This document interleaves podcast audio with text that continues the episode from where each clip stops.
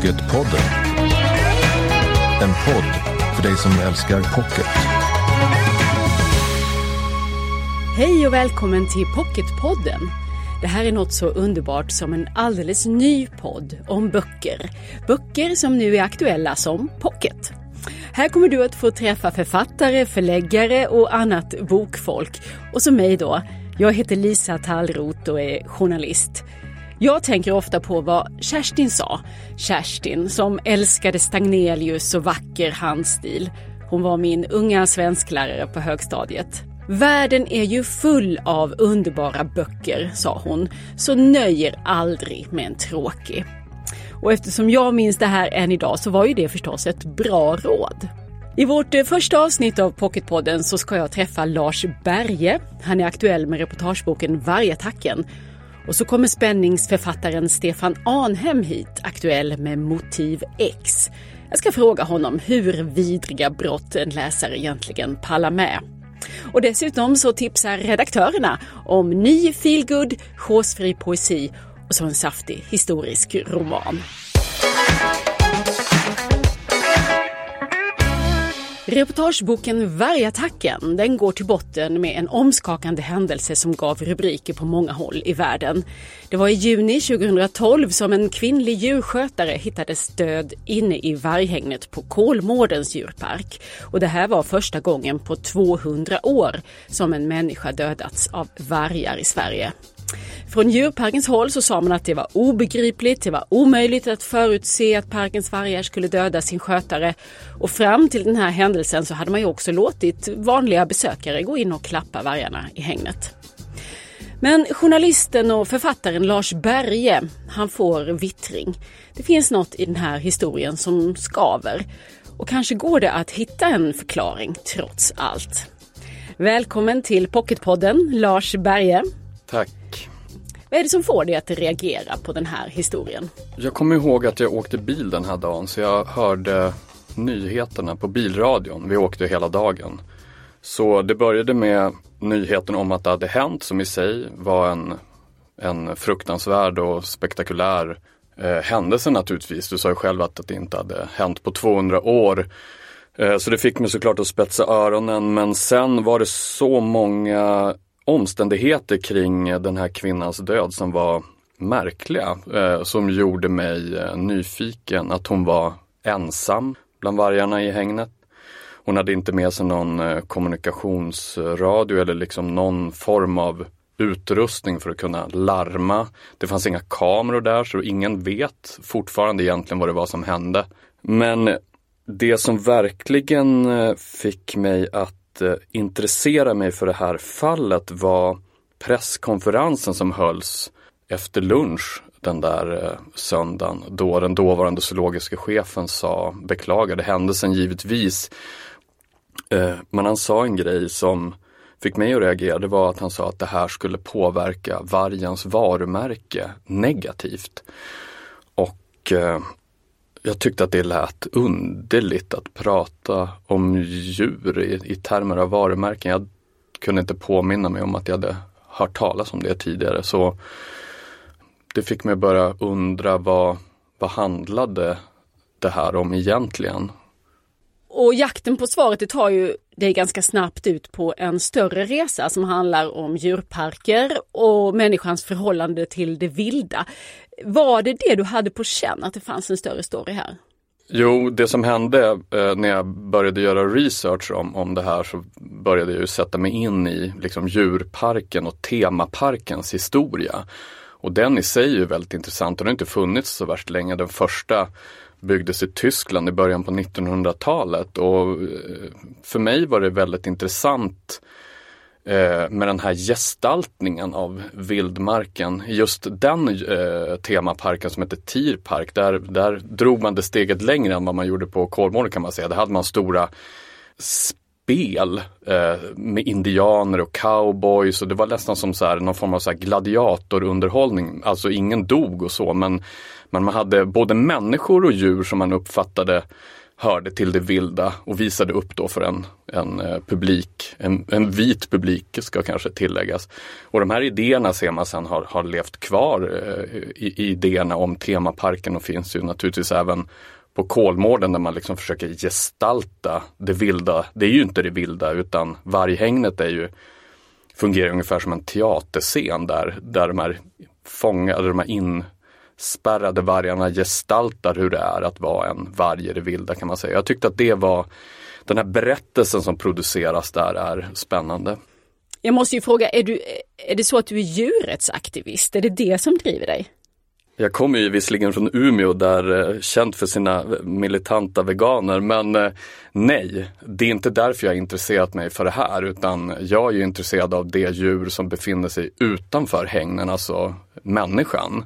Och människans eh, förhållande till det vilda som jag tycker, ja men Människan är ju de som har nycklarna till dörrarna in och ut och de, eh, de vi närmar oss djuren och liksom eh, förstår oss själva i förhållande med de här djuren som lever på djurparkerna.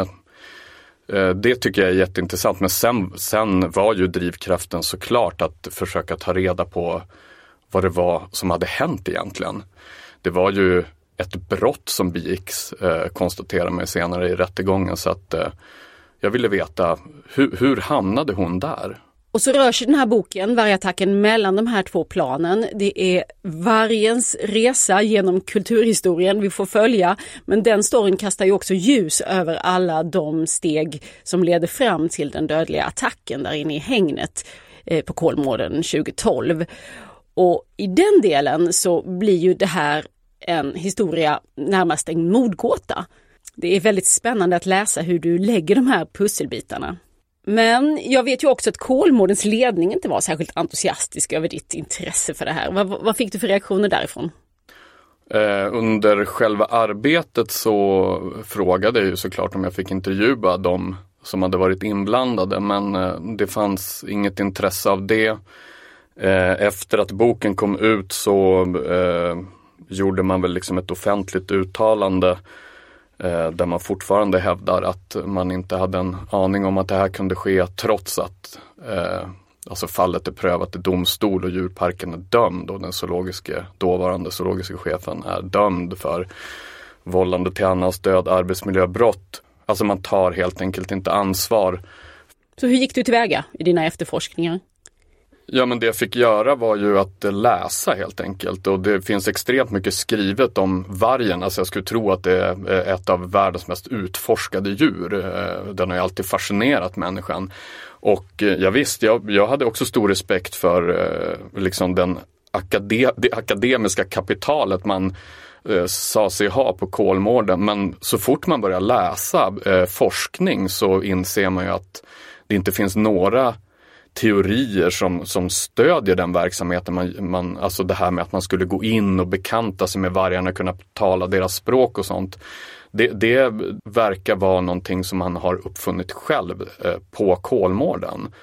Eh, på andra eh, liknande djurparker, eh, det finns böcker som, som är skrivna av de personerna som driver till exempel den, den första och största utanför, alltså i, i USA. De var också expertvittnen under rättegången de hade en helt annan take på säkerhet. De hade minutiösa säkerhetsföreskrifter. Ett 12 punkters program som man skulle följa till punkt och pricka.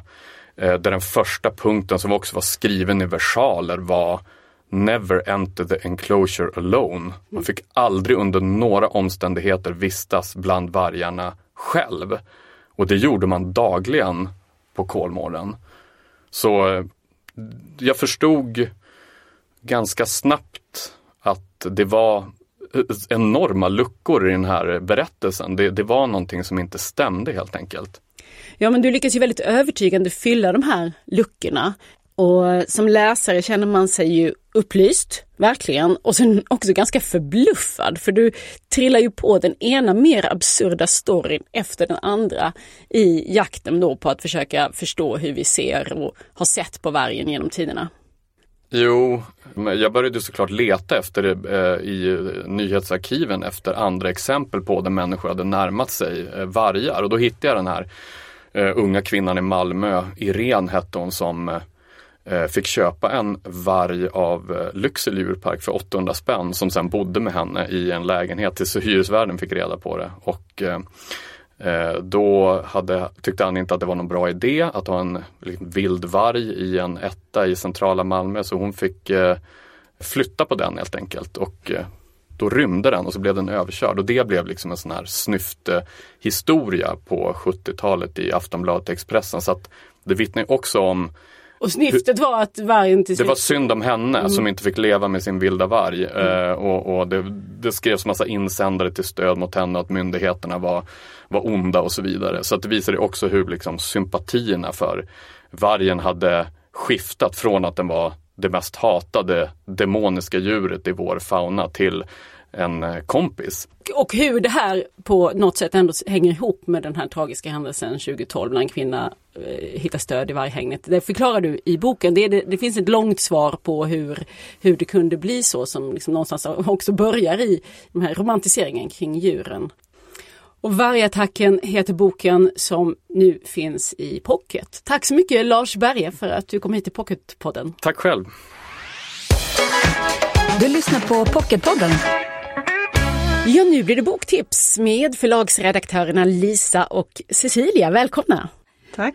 Ni två är ju proffsläsare får man säga, men också lustläsare. Och så är ni förstås viktiga kuggar i bokfabriken. Och ni har nu tagit med er ett gäng nya pocketböcker. Mm. Lisa Jonasdotter Nilsson, du får börja. Yes, jag tänkte tipsa om Söta röda sommardrömmar av Kristoffer Holst som är en alldeles underbar liten bok. Det handlar om Silla som har blivit dumpad av sin kille och eh, bestämmer sig för att köpa en kolonistuga på en skärgårdsö som heter Bullholmen. Men redan hennes första kväll på ön så sker ett mord och Silla hon blir motvilligt indragen i utredningen. Som leds av en väldigt hunkig polis som heter Adam. Och det bästa med den här boken det är att man bara älskar Silla. Man vill liksom ha henne som kompis, snacka skit och dricka vin med henne. Eh, hon är en sån där karaktär som verkligen får liv. Och hon är både charmig, lite klumpig och eh, eh skitrolig. Söta röda sommardrömmar heter den boken vi sk- eh, pratar om, skriven av Kristoffer Holst. Jag har också tagit med mig en, eh, en liksom lite mer renodlad spänningsbok som heter En helt vanlig familj av Mattias Edvardsson. Och den kanske många redan har hört talas om. Den har blivit otroligt hyllad och är liksom sålts till massor med länder utomlands. Och vi får följa en helt vanlig familj det är prästen Adam, juristen Ulrika och så deras 19-åriga dotter Stella. De bor i en villaförort utanför Lund och på ytan tycks deras liv vara helt perfekt. Men en dag raseras allt. För Stella blir anklagad för mord och hamnar i häktet. Sen får vi följa pappan, dottern och mamman i tre olika delar. Det som man som läsare är övertygad om ena sekunden blir i nästa helt osäkert och de berättar olika versioner av det som har hänt. Framförallt så skildrar han den här tonårsdottern Stella så bra att jag häpnar. Alltså man känner verkligen igen sig och så kastas tillbaka till sin egen tonårstid. Mm. Spänning och psykologi i eh, Lund är det ju dessutom. Ja, precis. Särskilt kul för mig som kommer från Lund. En helt vanlig familj heter boken. Mattias Edvardsson är det som har skrivit den. Och eh, Cecilia Losberg, ja. vi byter lite genre nu va? Mm. Eh, nu går vi över till någon slags eh, brett anlagd historisk roman skriven av Bengt Olsson som heter De dubbelt så bra. Å ena sidan handlar det om en slags väldigt öm men också rå berättelse om två unga män som är på väg in i ett slags vuxenblivande och som förälskar sig i varandra i en tid då homosexualitet ju är olagligt i Sverige. På ett annat sätt är det här också en bok som skildrar en stycke svensk historia på ett sätt som man kanske inte har sett det innan. Det är nämligen så att när Arvid och Ragnar möts igen så blir de strejkbrytare. Nu är det 30-tal i Sverige. På många ställen i landet så har blockader utlysts. Det blir alltså Arvid och Ragnars jobb istället att kuska runt i Sverige och ta sig an de här jobben vid fabrikerna. Och detta skapar ju förstås enorma konflikter. Och det utmynnar i det som vi alla känner till som är i Ådalen och skotten i Ådalen. Och Bengt Olsson gillar ju liksom att ta den där lite obekväma positionen och kanske skildra saker som andra lite grann har, har låtit bli att skildra eller på andra sätt inte vågar eller vill. Men det han gör så fint är att han, han berättar ju om det här på ett sätt som inte alls är liksom mästrande eller, eller uppläxande eller uppfordrande. Eh, och han försöker inte bevisa att han har rätt i sin liksom skildring eller så, utan det han gör är bara att han växelvis låter Arvid och Ragnar, som är de här två fortfarande ganska unga männen, vara berättarröst i varsitt kapitel varannat och han skildrar liksom deras privata känslor. Men det ger oss också en jättefin bild av hur Sverige såg ut på den tiden.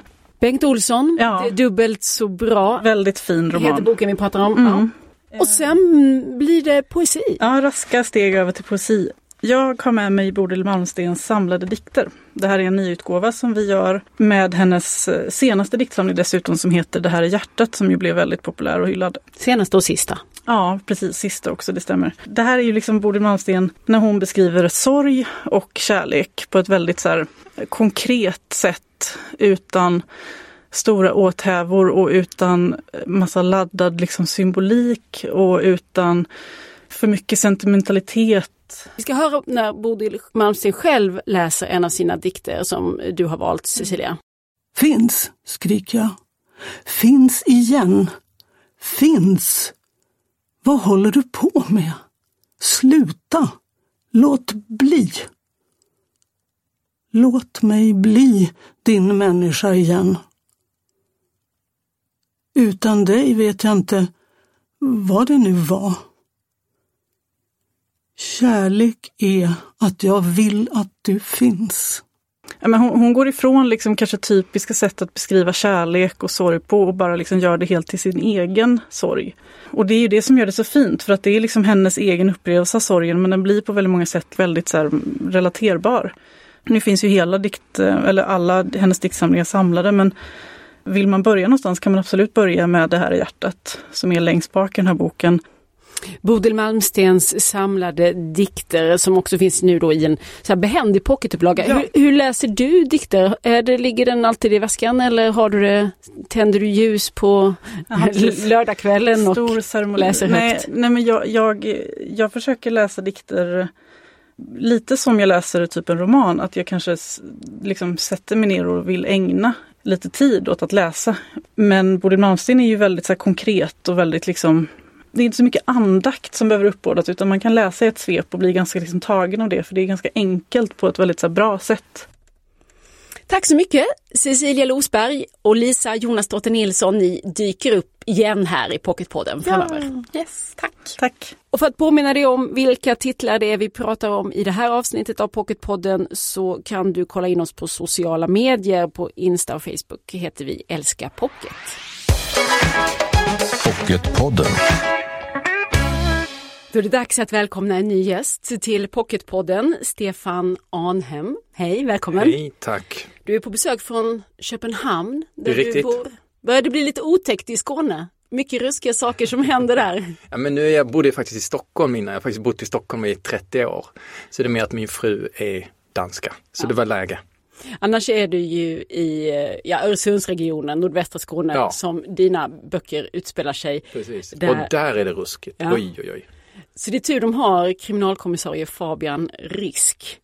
Det är många som har väntat på att få träffa honom igen och det gör man nu då i fjärde delen, Motiv X heter den. Nu får inte vi slinta på tungan här och avslöja för mycket, eller hur? För att det, det är många som väntar och ska, det är många trådar man ska följa. En del ska avslöjas nu i denna boken, en del kanske man inte riktigt vet när man får svaret på. Exakt. Men du, och du älskar ju cliffhangers. Mm. Så jag förstår ju att det är en sån du skickar ut när du säger att man får läsa dina böcker på egen risk. Men vad tänker du då? Nej, men jag tänker så här att det är ju, om man läser en deckare, en thriller, en spänningsbok, då är ju hela poängen med att det ska vara spännande. Och när du ligger där hemma i din soffa, det är varmt och gott och så läser du och det verkar nästan vara som, nej men det här kommer inte funka. Det här, han kommer inte att klara det här. Han kommer aldrig överleva. Då, om man vet till exempel att nej men det här är bok tre, det ska vara tio stycken i den här serien.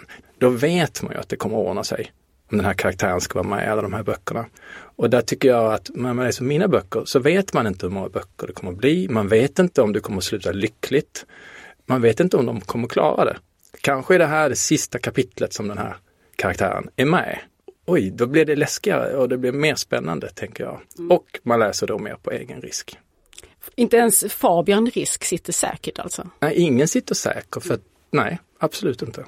Du bygger ju upp dina böcker med väldigt många trådar. Det är lite köp en, få sju, räknade jag till i motiv X, Mhm. tror jag du har. Sju olika liksom, parallella trådar där en del korsas och hänger ihop och andra sticker iväg någon annanstans. Hur, varför skriver du på det här sättet? Det här är ju mycket mer än vad en vanlig spänningsförfattare brukar göra. Ja, och det finns ju någon sån där oskriven regel att man får ge, max ha två stycken point of view i en historia och så vidare. Många av de här reglerna, jag kan ju dem för att jag har varit manusförfattare i 20 år och där är det ju ännu fler regler du ska förhålla dig till. Renodla, renodla, renodla. Ja, precis. Och jag har velat gå lite åt andra hållet. Att jag vill ha, för, försöka mer ha en värld som livet är. Även om mina berättelser är lite larger than life. De är liksom en förhöjd verklighet på något sätt. Så vill jag ändå att det ska kännas som, men så här beter ju livet sig.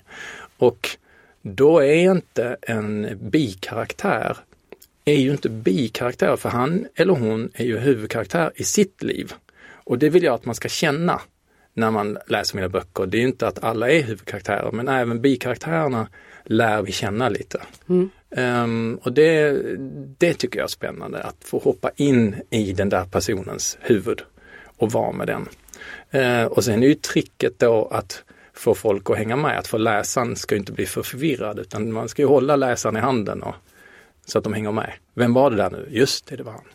Motiv X pratar vi om nu och vi Mm. kanske ändå ska säga någonting om var vi befinner oss för i tredje delen, den som föregick, 18 grader minus heter den. Just det. Då lämnar du ju eh, läsaren hängande i slutet och du tar vid nu precis här i motiv Mm. X. Och Fabian Risk, han är inte död än i alla fall, inte, det inte, inte i första sidan i den här boken. Han har det stökigt på hemmaplan och i hans frånvaro kan vi ju säga att lite nytt i den här delen så träder ju kollegorna fram. Lilja och Klippan när det då eh, inträffar ett brutalt mord i den lilla kommunen Bjuv. Och Lilja särskilt får ju ta mycket plats i den här boken. Vem är hon? Nej men alltså, för mig är det så mycket sådär med karaktär att de växer med skrivandet. Jag såg henne mer som en, en rätt skön kvinna i sneakers och jeans och eh, massa örhängen i ena örat. Det var ungefär det jag såg. Och så var hon lite misstänksam och väldigt så här, noga med saker. Det är ju ingen riktigt bra karaktärsbeskrivning. Men sen när jag började skriva, då händer det ju en massa saker. Och då händer det till exempel här att hon får, hon tänker, vänta här, det, har, det är liksom rasistiska förtecken och främlingsfientliga.